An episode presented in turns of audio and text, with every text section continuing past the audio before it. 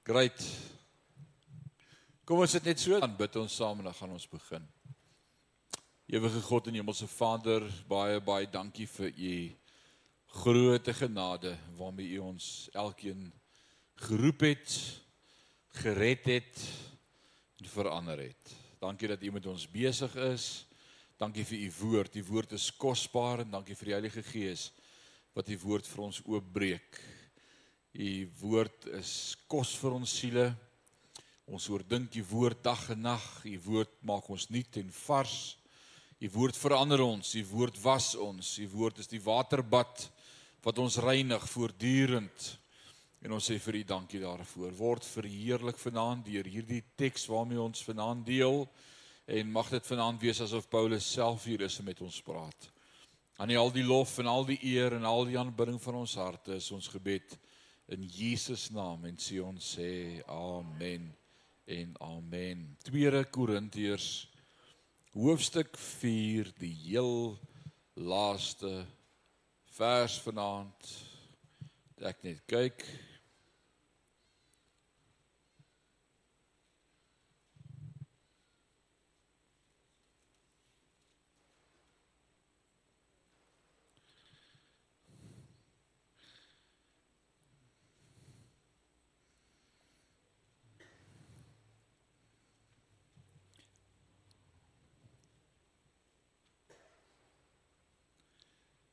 This is how I fight my battle. Wie van julle weet hoe werk Dropbox? My Dropbox wil nie update nie, hang vas. Nee, ek is op. Ons het nogal gesukkel met ons internet vandag hier by die kerk. Die ligte wil nie aan en af sit nie en lyk vir my Paryse internet is op die koffie.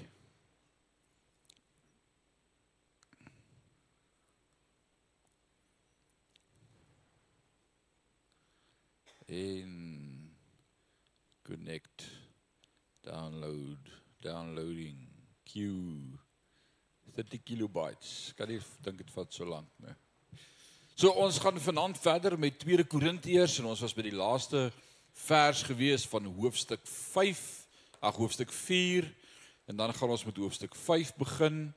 So vanaand kyk ons saam na hierdie teks ons is besig om te praat oor moed in die konflik. Wie van julle het nog nooit konflik beleef nie? Steek gou julle hande op. Ag nee, rarig, julle is disappointing. Niemand nie. Almal ken konflik. Wie hou van konflik? Laat ek jou hande sien. Stamp met jou man en sê steek op jou hand. of van jou vrou. Ek het nou die dag besef ek hou niks van konflik nie. Ek hou nie af van nie. Maar die oomblik as iets my pla, hanteer ek dit onmiddellik. Want ek hou nie daarvan nie. Ek wil nie hê dit moet daar bly nie. En dan lyk dit soms vir ander mense asof jy hou van konflik, maar dit is eintlik omdat jy dit so dislike dat ek dit eerder dadelik uit die pad wil kry. Nog 'n goeie eienskap om dit dadelik te hanteer. Wie weet dit help nie om dit te los nie. Paulus het in sy bediening agtergekom dit help nie om konflik te los nie. Praat daaroor, skryf daaroor, vermaan hulle, bemoedig. Uh hy hy het nie dit gelos omdat dit nie lekker is om te handle nie, maar in liefde. Hier is die groot geheim hoof love. Jy konflik hanteer sonder liefde, is jy 'n boelie. Met liefde. Met liefde. Alraight. So vers 18 het vir ons gesê van 2 Korintiërs 4 vers 18 ons oog is nie op die sigbare dinge gerig nie maar op die onsigbare. Want die sigbare dinge is tydelik, maar die onsigbare vir altyd. Kom ek lees hom weer vir jou. Ons oog is nie op die sigbare dinge gerig nie. Net daar is 'n klare preek vir ons almal vanaand. Kom ons wees eerlik. Die goed waaroor ons kla in die lewe, die goed waaroor ons praat, is die sigbare dinge. Die meeste van die konflik wat ons beleef, gaan oor die sigbare dinge. As jy by die huis kom en sê vir jou vrou, ek sien nie kos nie. ek sien nie jy het huis skoon gemaak nie. Ek sien die gras is lekker lank. Die sigbare dinge. Meeste van die goed waaroor ek en jy konflik beleef in ons land, in ons dorp, in ons gemeenskap, is die sigbare dinge. Ek sien hulle het weer daar by die by die by die golfbaan se ingang gister geparty, die hoenderstukke lê daar rond. Ek sien, dis 'n konflik. Ek sien die potholes, ek sien die kraan is leeg. Paulus kom aan herinner hy die gemeente in Korinte en hy sê ons oog is nie op sigbare dinge gerig nie maar op die onsigbare. Van die sigbare dinge is tydelik, maar die onsigbare is vir altyd. Nou, een van die groot sigbare dinge wat ek en jy totaal en al nou vergeet om aan te dink as ons praat oor konflik, is die ou in die spieël. Hmm. Dis seker meeste van ons se grootste konflik op 'n daaglikse basis is daai ou wat vir jou terugkyk. Dit is nie so nie. Dalk siekte, dalk ouderdom, dalk die realiteit van jy ken daai ou en jy weet regtig hoe is hy en niemand anders weet nie. Dinge wat jy met jou saamdra, dinge wat jy wegsteek, dinge wat jy probeer vergeet, dinge wat met jou gebeur het. Iemand sê nou dag vir my 'n tatoe hier op sy boarm. Hy moet die hele tyd lang mou hemde dra. Toe hy jonk was, was dit 'n mossie en nou is dit 'n kraanvoël. So maar maar dit herinner hom aan 'n deel in sy lewe wat hy nie wil onthou nie. Daai naam wat jy getatoe het wat jy wou vir altyd onthou, Anna. Hè? Anna het nou nie gebly nie. Mens doen dom dinge as jy jonk is. Daai ou in die spieël. En nou kom Paulus in hierdie hele hoofstuk 5 gaan hy hierby inhak om vir jou te sê hierdie tentwoning is ewig nie. Dank die Here daarvoor. Imagine jy moes vir die hele eternity moet hierdie lyf sit. Ha? Huh? Yes like. Dr. A.W. Tozer herinner ons dat die onsigbare wêreld wat in die Bybel beskryf word, die enigste regte wêreld is. Dink gou daaroor. Die onsigbare wêreld van die Bybel is die enigste werklike, ewige, blywende plek vir my en vir jou. Hierdie wêreld is van verbygaande aard. En as ons net die sigbare wêreld sou sien soos God wil hê ons dit moet sien, sal ons nooit aangetrek word na die oënskynlike voordeel van hierdie wêreld nie. As Adam en Eva aan die geestesdimensie kon sien, het hulle nooit toegelaat dat die vyand vir hulle appels voer nie. Nooit. Die groot manne en vroue van geloof wat in Hebreërs 11 genoem word, as jy bietjie daar kan onthou wat ons in Hebreërs geleer het, het bereik wat hulle gedoen het omdat hulle die onsigbare voor oë gehou het. Dit was hulle fokus. Wat was julle sukses gewees in julle geloofshelde Abraham en Noag en al die geloofshelde? Wat was julle sukses? Ah baie maklik. Ons oog gefestig op die onsigbare dinge. Die werklikheid van die geestesriem. En Abraham omdat hy 'n regte stad verwag het van God af deur God self gebou en sy oog daarop gefestig, het sy land gelos en weggetrek en was gehoorsaam aan God tot die dood. En daar word van hom gepraat as die vader van my geloof, Abraham. Abraham, wat was jou geheim? Want ek het nie gedink hierdie is vir altyd nie. Ek het God geglo en getrek omdat ek geweet het die stad wat sou kom is die stad wat deur God gebou is. Op watter stad het Abraham sy sy hoop gehad? Op die hemel. Ek wil hemel toe gaan.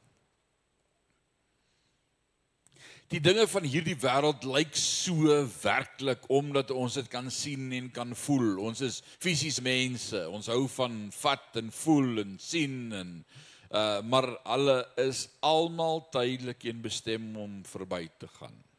Net die ewige dinge van die geestelike lewe sal bly tot in ewigheid. Ek en jy moet onsself die heeltyd herinner. Dis net tydelik. Dis net tydelik. As jy siek is, dis net tydelik. As die dokter vir jou sê, "Sorry vir jou, maar jy het nie meer lank om te lewe nie, jy's baie siek," dan sê jy vir hom, "Dis net tydelik." Niks kan my skei van die liefde van die Here nie. Paulus sê as ek hier uitwoon, woon ek in by hom. Amen. Dis net tydelik. Weereens moet ons nie hierdie waarheid tot uiterstes druk en dink dat materiële en geestelike dinge teen mekaar staan nie. En ek dink dis een van die gevare wat baie keer gepredik word veral in charismatiese en en geestelike groepe en ek weet daar's baie kerkgroepe of uh, kom ons noem dit dan nou wat hulle is sektes uh, wat al deur die tyd hulle self bewys het dat hulle 'n halwe waarheid preek en dan net fokus op die geestesdimensie en dis die tipe ouens wat dan sommer almal in 'n hotel inboek en wag dat die Here hulle kom haal. Ja, so 'n paar jaar terug die ouens wat so verwag het dat die Here daai September gaan kom van 2000 en wat en toe 12 en toe die pastoor met sy hele gemeente hulle in 'n luukse Carlton hotel ingeboek en geëet vir oulaas en gespend. Niemand het gedink die rekening gaan betaal moet word nie want die Here gaan kom en toe kom hy nie. Hmm. Want al wat tel is die geestelike. God gebruik hier is die geheim. Kom ek help jou. God gebruik die materiële om die geestelike te bevorder. Is daar plek vir materiële dinge in die koninkryk? Absoluut. God gebruik dit om sy koninkryk uit te brei. Die koninkryk op aarde kos geld sorry vir jou. Ek weet jy het nog nooit daarvan gehoor nie. Tegnologie tegnologie kos geld. Om die evangelie uit te brei kos geld. Maar geld is nie ons baas nie. Ons oog is op die geestelike dinge. Maar God gebruik die materiële dinge om ook die geestelike mee te bevorder. Wanneer ons die materiële God uh, in in God se wil gebruik verander hy dit in geestelike dinge en dit word deel van ons skat in die hemel.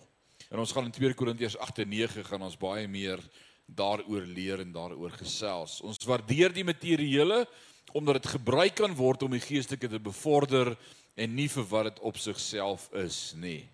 Nou, hier's 'n vraag. Hoe kan jy na dinge kyk wat onsigbaar is? Hoe kyk mense na onsigbare dinge? Die bril het nie daai tint op nie. Hy kan dit nie sien nie. Hoe hoe kyk ons na onsigbare dinge? Sal hoop en geloof. En om die woord te glo, né? Ek lees dit en ek glo dit. En ek maak my oë toe en ek sien daai stad waarvan die Bybel praat, asof dit 'n werklikheid is. Ons sing daaroor, o hemelstad. Dis asof dit reeds 'n werklikheid is vir my. Dis geloof, dit bou ons geloof. Wie van julle het al die hemel gesien? Kan ek gou die hande sien? Wie van julle het al die Here gesien? So amazing wees. Wie van julle glo in die hemel? Wie van julle glo in die Here? Hoe hoe doen ek dit? Ek glo die woord die woord word 'n werklikheid in my hart. Is dit 'n pie in the sky en ons hoop is waar? Just like ek en my pel ou Wouter Blom is daar by die Randse skou en uh een van die een van die Hadi Krishnas praat met hom en vra vir hom hierdie vraag: Hoe weet jy jou God lewe? Nou staan ek so effens terug. Hierdie is nou Elia aan die Baalprofete oomblik. Hy is my mentor. Ek wil graag sien hoe gaan hy dit hanteer. Ek sien dis 'n mooi dag vir vuur. Ek staan so 'n bietjie terug. Hoe gaan Wouter dit hanteer? Hierdie Hadi Krishna is baie adamant. Wouter met sy eenvoud en sy insig verstaan iets van Hare Krishna se verskriklik regheid en ernstig oor die waarheid. Daar kom nie 'n leuen by hulle mond uit nie. Ons kan almal by hulle gaan leer. Hy kyk jy Hare Krishna so en hy sê vir hom het jy al ooit in jou lewe 'n kopseer gehad? Die ou sê ja. Hy sê vertel my van 'n kopseer. Die ou lyk so half Hy vertel vir Wouter hoe voel 'n kopseer waar sy die kopseer Wouter sê ek glo jou nie, is net in jou kop.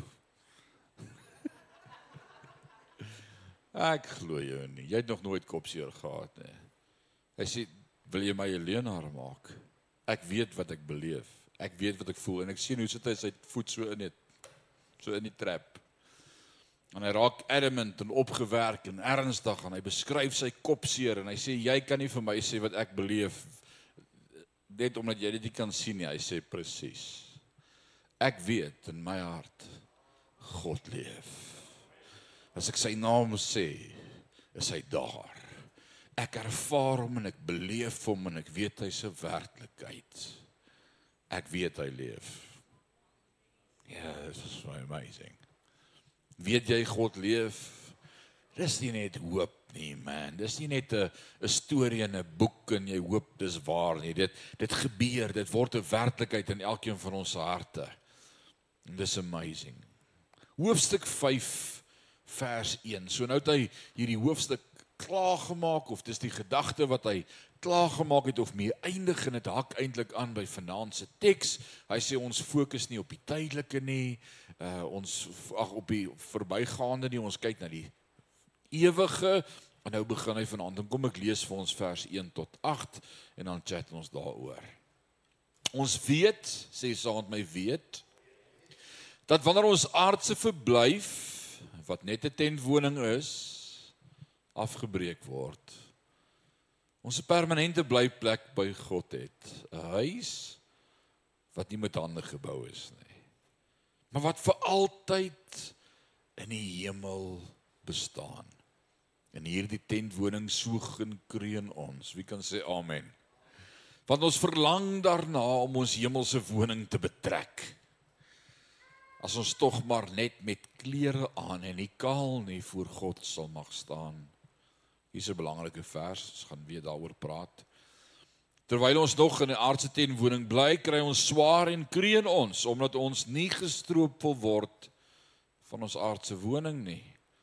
Maar met die hemelse woning beklewel word. So sal wat sterflik is verteer word deur die eintlike lewe. Hy wat ons hiervoor gereed gemaak het, is God. Hy wat aan die deposito van die Gees as waarborg gegee. Ons is dus altyd vol moed omdat ons weet dat alhoewel ons nog in die liggaam woon, ons eintlike woning by die Here is. Want ons leef deur te glo en nie deur te sien nie. Ons hou moed maar sou liewer uit die liggaam wil verhuis om by die Here te gaan woon. Hierdie is 'n awesome teks. Hierdie is 'n great teks. Ek kan net sê amen. Hy hy hy sê 'n paar dinge in hoofstuk 4 en 5 so ver. Hy het 'n paar gedagtes wat hy met sekerheid oor gepraat het. Hy het in hoofstuk 4 vers 1 vir ons gesê ons het hierdie bediening. Hy het in hoofstuk 4 vers 7 gesê ons het hierdie skat. Hy het in hoofstuk 4 vers 13 gesê ons het dieselfde gees van geloof. En nou sê hy in vers 1 van hoofstuk 5 ons het 'n gebou van God. Dis vier dinge so ver in hoofstuk 4 en 5 wat hy deel met hierdie gemeente waaroor Paulus seker is. Oor sy bediening, oor die skat, oor die gees van geloof en oor ons gebou of ons tempel wat by God is. En wat 'n wat 'n getuienis het Paulus vir die werklikheid van die Christelike geloof gegee want dis waarop ons ons geloof bou. Ons bediening kom van God af. Dis 'n skat wat vir ons weggebêre is in die hemel. God se gees woon in ons en dit skep geloof. En nou kom hy vanaand aan hy deel met ons het 'n gebou by God. Nou hierdie gebou van God is nie die gelowiges se hemeltuiste nie. Dis nie die hemel nie. Dis nie Johannes 14 vers 1 as Jesus vir sy disippels sê, "Laat julle harte nie ontsteld word nie. Glo in God, glo ook in my. In die huis van my Vader is daar baie wonings." Eintlik is die beter vertaling baie blyplek by God. As dit nie so was nie, sou ek julle gesê het, maar ek gaan hom vir julle plek toe berei en as ek gegaan het, kom ek om julle te vat sodat julle ook kan weet waar ek is. Dis nie daardie hemel woonplek waarvan Paulus hier praat nie. Hierdie gebou van God is nie dieselfde as Johannes 14 nie. Hierdie is sy verheerlikte liggaam. Jou verheerlikte liggaam. Nou Paulus was wat van amp gewees? Wat het hy gedoen vir 'n job?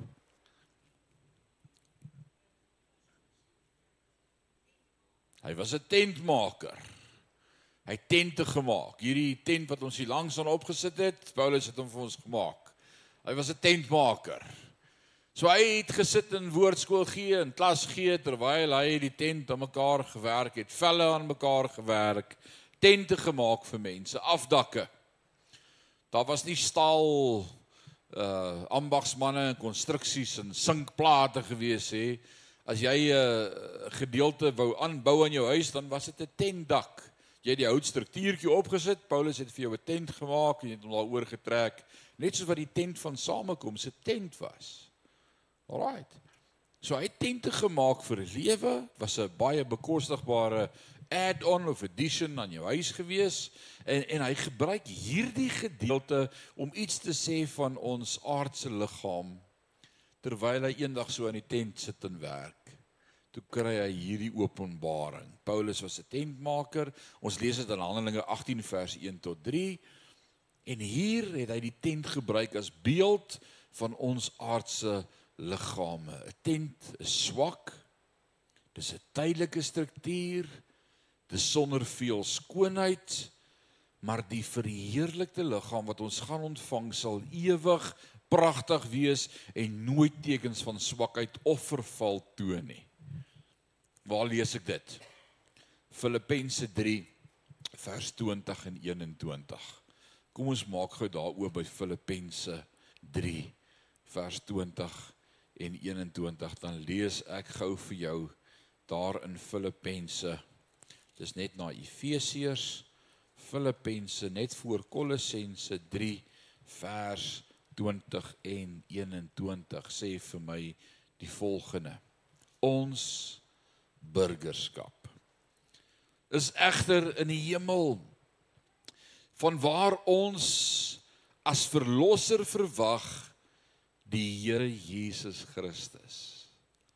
Hy sal ons nederige liggame verander om gelykvormig te word aan sy verheerlikte liggaam deur die krag wat hom in staat stel om alles aan hom te onderwerp.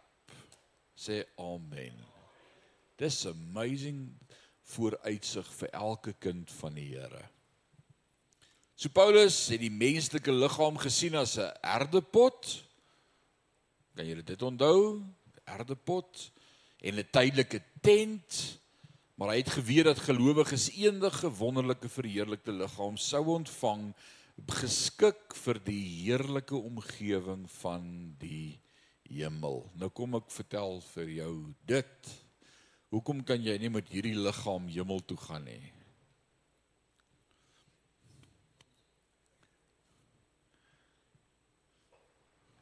Hy stof, hy's verganklik. Hy word ouer. Hy het kos en suurstof nodig om te leef.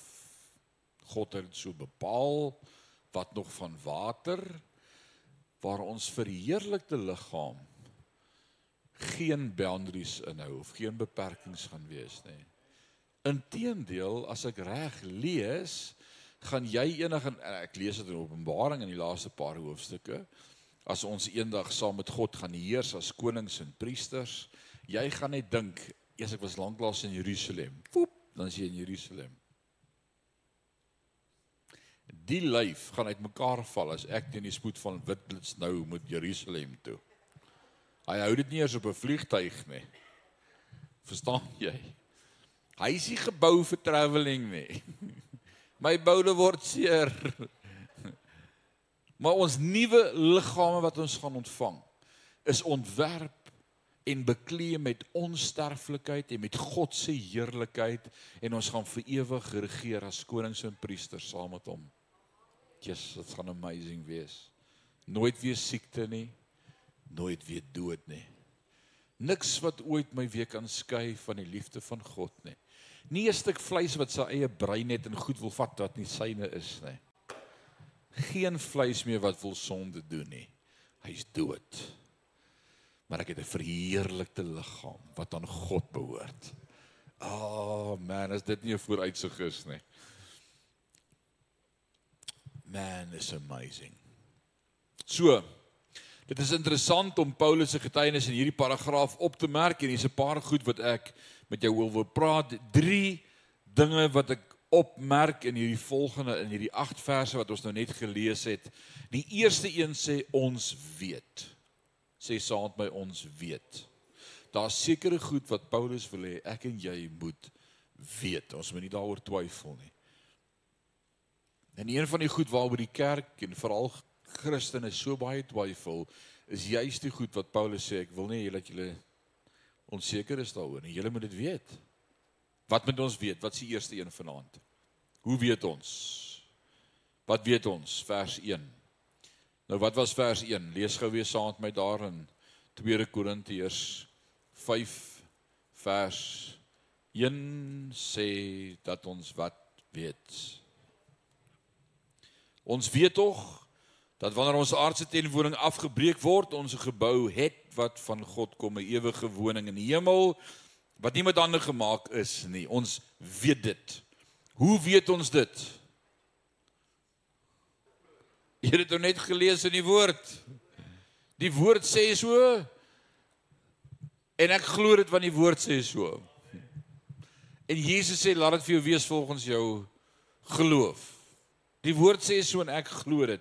Geen Christen hoef 'n waarsêer of 'n oya bord of 'n spiritus of 'n pak kaarte te raadpleeg om uit te vind wat die toekoms aan die ander kant van die graf vir jou inhou nie. Ons het die woord van God. As jy wil ek moet jou fortuin vir jou vertel, kom na my toe. Ek sal dit uit die woord uit doen. Want as jy in Christus is, dan sê die woord vir ons alles wat jy nodig het om te weet. Jy hoef nie te wonder nie. God het vir ons alles vertel wat ons moet weet in die bladsye van sy woord. Paulus sê ons weet en dit sluit aan by sy weet in 2 Korintiërs 4 vers 14 en dit hou verband met die opstanding van Jesus Christus. Soos wat Christus die eerste een was wat opgestaan het, is hy ons oudste broer en hy is ons voorganger en net soos wat hy opgestaan het, gaan ek en jy ook opstaan. It's amazing. Nou is daar effens verwarring en ek preek heel wat op begrafnisse. O, ek preek baie op begrafnisse. Dis een van die goed waarvoor ek nooit kan nee sê nie. Wie van julle hou van begrafnisse? Wie van julle hou niks van begrafnisse nie? Ek hou niks daarvan nie, maar ek kan nie vir een nee sê nie. Want dit is 'n geleentheid vir die evangelie. Elkeen. Twee weke terug bel my ou gemeente uit Bloemfontein uit my en 'n hartseer storie van een van ons vriende van die gemeente, 'n lidmaat, groot sakeman wat vir sy werkers by die werk gegroet het en gesê het ag nee wat ek het nou genoeg gewerk vir vandag ek gaan na liewe Jesus toe. Baie julle. Wat gaan met die baas aan? Hy sê huis toe uit sy 9 mm uitgehaal badkamer in in hy huis toe. Oh, pastoor sal hom kom begrawe.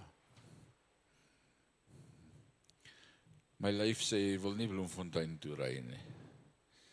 My mond sê dit sal 'n voorreg wees. Want is die evangelie en daar gaan siele wees wat die Here nodig het.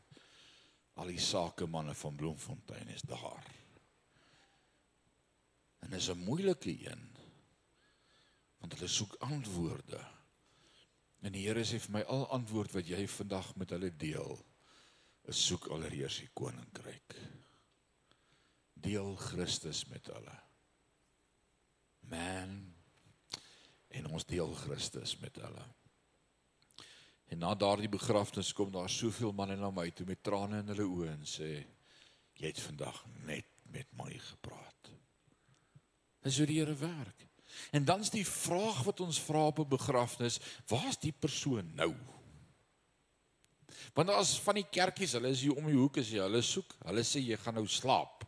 'n Diepe slaap. Maar hulle moet eers die hemel vir jou oopsluit. Baie snaaks, hulle moet hom oopsluit en jy gaan slaap. Ek weet nie hoekom dit hulle hom oopsluit nie, maar in 'n geval. Jy weet Jan, né? En as jy nou nie op 'n goeie standing met hulle was nie, dan sluit hulle vir jou die hemel toe. Jy wil nou nie vir hulle kwaad maak nie. En as die priester sê links en jy wil regs, dan sluit hy die hemel toe vir jou man, dan brand hy vir altyd en is jou skuld. As jy daar kom met jou moeilikheid, so jy beter oopsluit. Sluit oop en sluit toe en na 'n persoon se dood kan hulle nog vir hom intree en vir hom bid. Weird. Kry dit nêrens in die Bybel nie. Die woord sê as ek hier uitleef, leef ek in by hom. So waaroor gesels ons dan nou vanaand so ver as hy sê ons het 'n woonplek in die hemel. Is dit dan nou maar maar hy sê eers ons gaan beklee word met die tweede opstanding en dis wanneer Jesus terugkom, nê, wanneer die Tessalonisense sê wanneer die grafte hulle dooie sal gee en ons beklee sal word met onsterflikheid. Paulus sê wat ek sal wees, weet ek nog nie, maar dit weet ek dat ons in een oomblik beklee sal word met onsterflikheid. Wanneer gaan dit gebeur? Gebeur dit dan nou as ek my asem uitblaas? Nee. Die stuk vleis word begrawe, hy's dood. Maar my gees is onmiddellik by God. Hey. Dis 'n tempel wat nie met hande gebou is nie. My gees is by God. En die oomblik as ons eendag saam met die Here terugkom met die wederkoms, dan word ek bekleed met onsterflikheid dan kry ek 'n nuwe liggaam. Dit gebeur nie as ek sterf nie. Maar lê en slaap. Nee, is vir die voels. OK, jy gaan nie eendag lê en slaap as jy jou asem uitblaas nie. Jy's by God. En dan begin die avontuur om alles te sien en te beleef en te ervaar en hom te aanbid. O oh man, sal dit daar nie heerlik wees nie. So as ons tent afgehaal word of opgelos word, hoef ons nie te vrees nie. Die liggaam is net die huis waarin ons nou bly en wanneer 'n wanneer 'n gelowige sterf, gaan die liggaam na die graf en die gees gaan na die Here. OK, jy moet dit jy moet dit weet. Jy moet nie wonder nie, want anders gaan jy by iemand se graf sit en huil en hy's jare nie daar nie. En jy gaan blommetjies op sy graf sit en hy weet niks. En jy gaan by sy graf sit en vir hom ekskuus sê vir al jou nonsens en hy hoor niks. Moenie jou tyd mors met 'n graf van 'n grafsteen nie.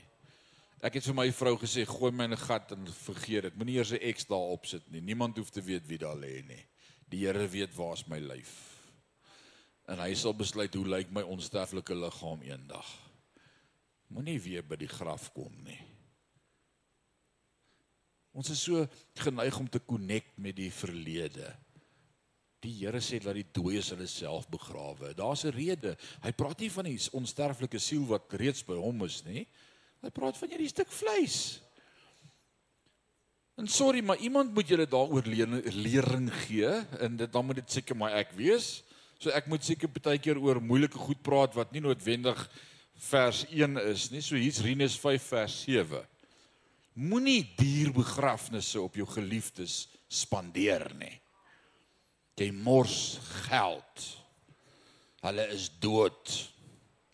Moenie probeer opmaak vir alles wat jy gemis het toe hy geleef het nie. Moenie duisend rande se blomme op die kus pak nie. Moenie 'n dierkus koop nie. Vergeet van alles. Gooi hom net in 'n gat. Right? Hy's dood maar ons celebrate want sy gees is by die Here. Sorry, iemand moet dit vir jou sê. Jy mors geld. Maar as jy dit nou wil mors, ek sal die evangelie preek op jou begrafnis. Alraight.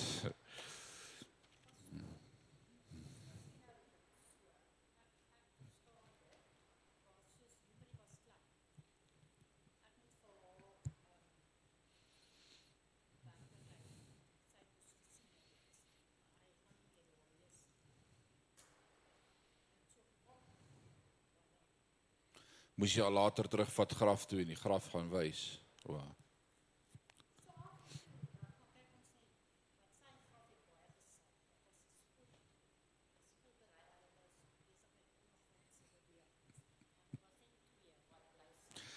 Ek dink ons eg heeltemal te veel waarde aan die oorskot.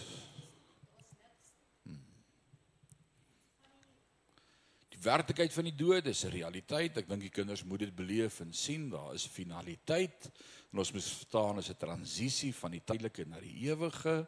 Ek dink nie ou moet dit van kinders weghou nie. Inteendeel, ons moet hierdie woord net met ons kinders deel, dan sal hulle nie eers een traan huil as ek dood is nie. Hy sê net sê uiteindelik is hy by die Here.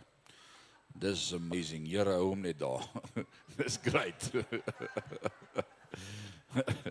dis dis great. Dis great. Julle ken die storie van die man wat sy werkers wou doodmaak. Toe sê sy vrou vir hom: "Nee, jy kan nie dit doen nie. Jy moet vir hulle bid." Toe hoor sy die aand toe hy bid. Toe sê hy: "Here, ou Johannes, gaan U hom kom haal of moet ek hom stuur?" Dis nie hoe ons vir mekaar moet bid nie, hoor? Alraight. Maar een ding weet ons, ons weet is die eerste gedagte in vers 1. Ons weet Hierdie tempel is net tydelik. Ons weet ons het 'n ewige tuiste by God en ons weet as ek hier uitleef, as hierdie tent afgeslaan word in een oomblik, is ek by die Here. Daaroor moet jy nie twyfel nie. Nooit twyfel nie. Die tweede ding ons kreun vers 2 tot 5 ons kreun Paulus het nie die morbiede begeerte na die dood uitgespreek nie. Trouwens sy stelling is net die teenoorgestelde. Hy was gretig dat Jesus Christus sou terugkeer sodat hy met die verheerlikte liggaam bekleed sou word. Hy het actually uitgesien na die koms van Jesus. Hy het drie moontlikhede voorgehou deur die beeld van die liggaam as tent te gebruik. Die eerste een lewend, woonagtig in die tent. Die tweede een dood ontklee uit die tent uit naak. En die derde een beklee met God se heerlikheid, die transformasie van die liggaam by die wederkoms van Christus. Daar's een van 3 moontlikhede. Of jy's nog lewend en jy's in jou tent, of jy's uit jou tent uit en die tent is dood, of jy word beklee met 'n onsterflike tent. Dis die drie scenario's. Daar's niks anders nie. Daar's nie ander opsies nie. Paulus het gehoop dat hy met die wederkoms van Christus lewendig op aarde sou wees sodat hy dalk nie deur die ervaring van die dood hoef te gaan nie. Dit lyk vir my Paulus het begeer om by God te wees, maar hy het net so hard begeer dat God hom kom haal of dat God terugkom terwyl ons in die lewe is. Sal dit nie wonderlik wees as ons die Here tegemoet kan gaan as hy ons kom haal nie. Dit sal amazing wees. Dan is dit interessant, iemand het nou die dag gesê julle kinders van die Here wil almal hemel toe gaan, maar niemand wil doodgaan nie. Nou hoe wil jy daar kom?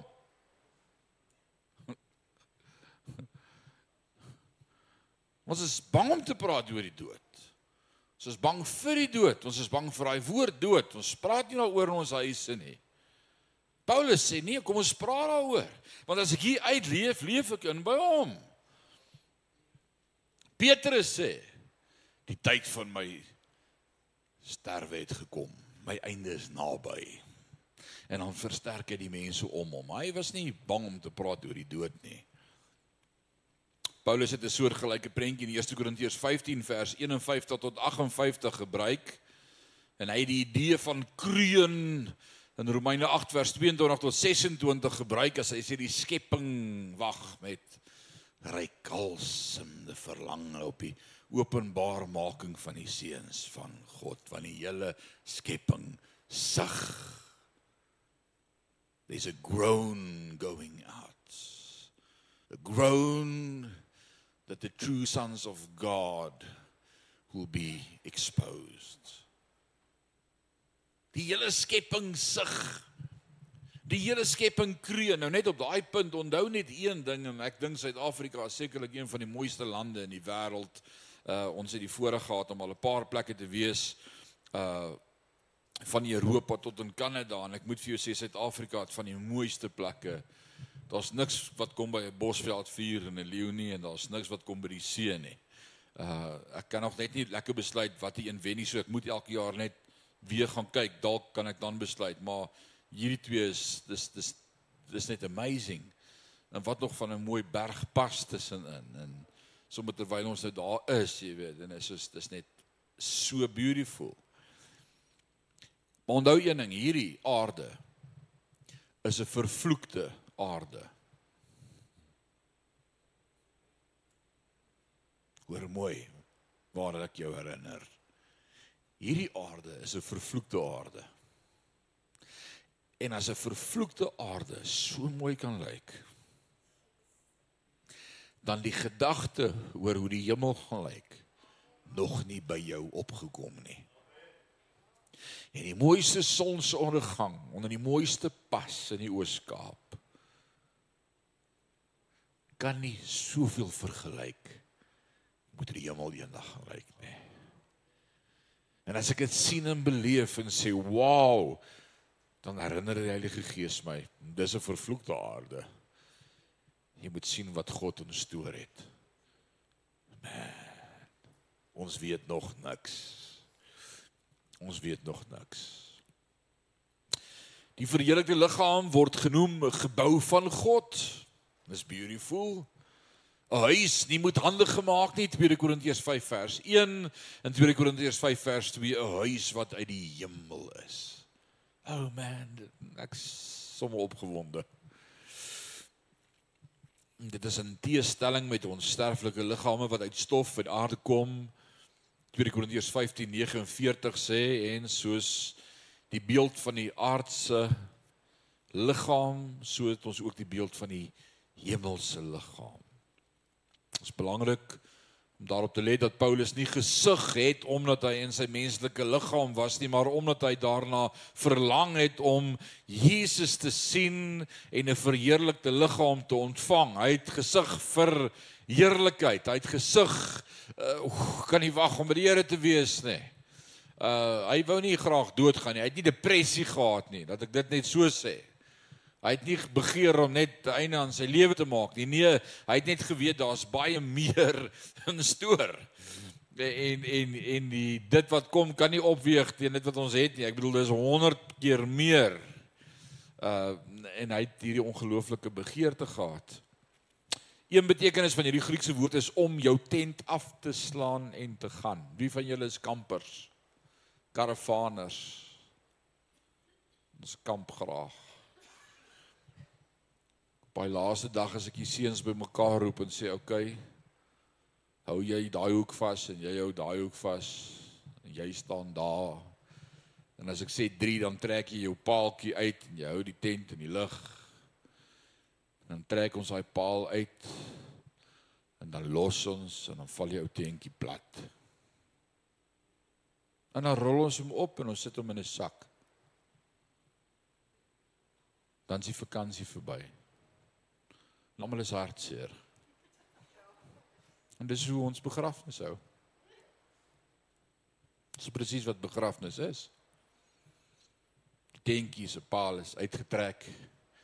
Die denkie word opgerol en in 'n kus gesit. En dan gaan ons die kus in die grond sak. En vakansie is nou verby. 'n Paar goed bly oor. Een, al die memories.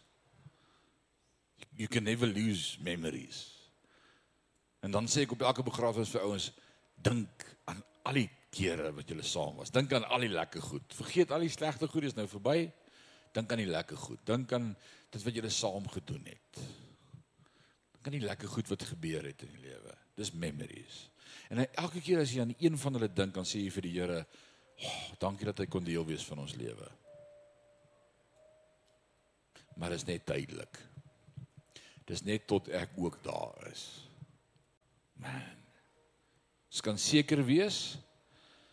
En dan hier kom Paulus om vir ons te sê, hoe kan ons seker wees hieroor? Hoe hoe weet ons hierdie is 'n sekerheid? Ek lees vir jou weer vers Waar is dit? 5.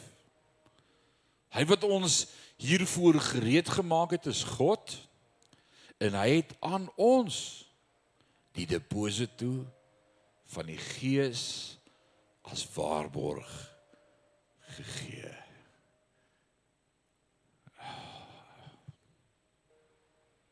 Ou Ben die deposit het ek al klaar gekry. Die deposit bly in my hart, die Heilige Gees. En maak nie saak hoe moeilik hierdie ou wêreld raak en hoe depressief ek raak en hoe moeilik dinge raak of hoe siek hierdie ou liggaam raak nie. Wanneer ek met God begin praat en ek beleef hom en ek ervaar hom en die Heilige Gees draai hier in my hart en dalk kry jy 'n bietjie hoendervleis of jy het jou manier wat jy die Heilige Gees beleef dan sê hy vir my ek hou jou vas en niks kan jou oë uit van my skei nie jy's myne man ons fokus te min op die Heilige Gees. Ons fokus heeltemal te min op die Heilige Gees. Dis ons waarborg. Dis jou waarborg dat wanneer hierdie ou tentjie afgeslaan word eendag jy, jy by God gaan wees. Dit dis amazing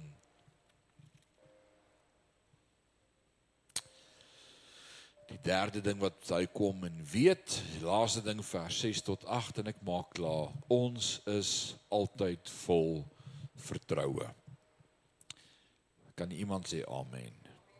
Daar's altyd altyd altyd vertroue. Waarop vertrou ons? Nie op die onsigbare dinge nie. Nie op die tydelike dinge nie, skus op die ewige dinge. Op dinge wat ek nie kan sien nie. Filippense 4 kom ou Paulus en hy sê 'n paar goed. Hy sê vers 4 verbly jy altyd in die Here. Ek herhaal verbly julle. Vers 5 en laat julle vriendelikheid aan almal bekend word. Die Here is naby. Vers 6 en maak al julle begeertes met smeking en danksegging bekend by God. Vers 7 en die vrede van God wat alle verstand te bowe gaan sal julle hart en sinne bewaar in Christus. Is die Heilige Gees. En selfs wanneer die ou vlees siek is en 'n dokter 'n uitslag gee om vir jou te sê sorry, die tent is nou moeg. Die tent is klaar. Dan sê jy loof die Here. Loof die Here. O my siel, wees bly, jou verlossing is naby en die hemelse kleed sal jy dra. Wees gereed en waak. Hou jou klere rein want die koms van die Here is naby. O, en daar sal glorie wees.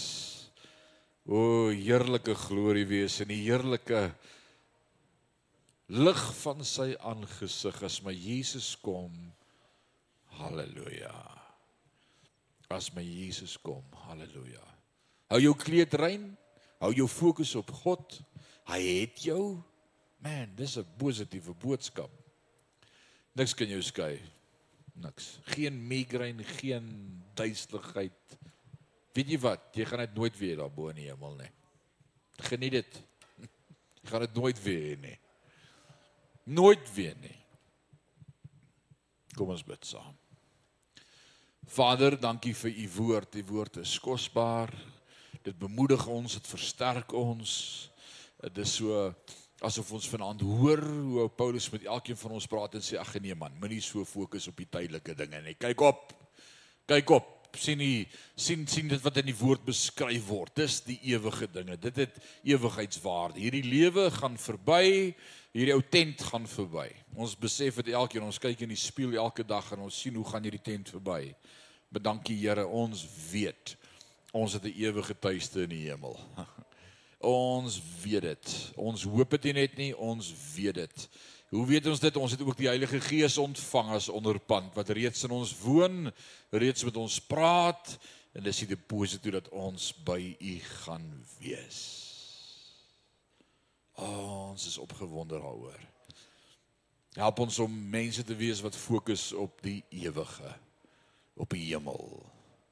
Ons eer U daarvoor, Vader. Versterk ons, hou ons vas in die holte van U hand. Ek wil bid dat ons elkeen 'n lewende getuie mag wees van die heerlikheid van Christus aan 'n wêreld wat U so nodig het. Dat ons hierdie waarheid ook met ander kan deel en dat hulle lewens ook mag verander. Aan U al die lof en al die eer en al die aanbidding van ons harte. Dis ons gebed in Jesus naam en Sion sê amen en amen. Great. Mag jy 'n awesome week hê. Hou vas. Hou vas, hou vas, hou vas aan die Here. Sal dit nie ons week as hy hierdie week kom nie, hè? Dit sal amazing wees. As hy nie kom nie, kry ons mekaar volgende week weer hier. En dan gesels ons verder vers 9 van 2 Korintiërs 5. Great. Mag die Here jou seën. Gaan in vrede. Amen.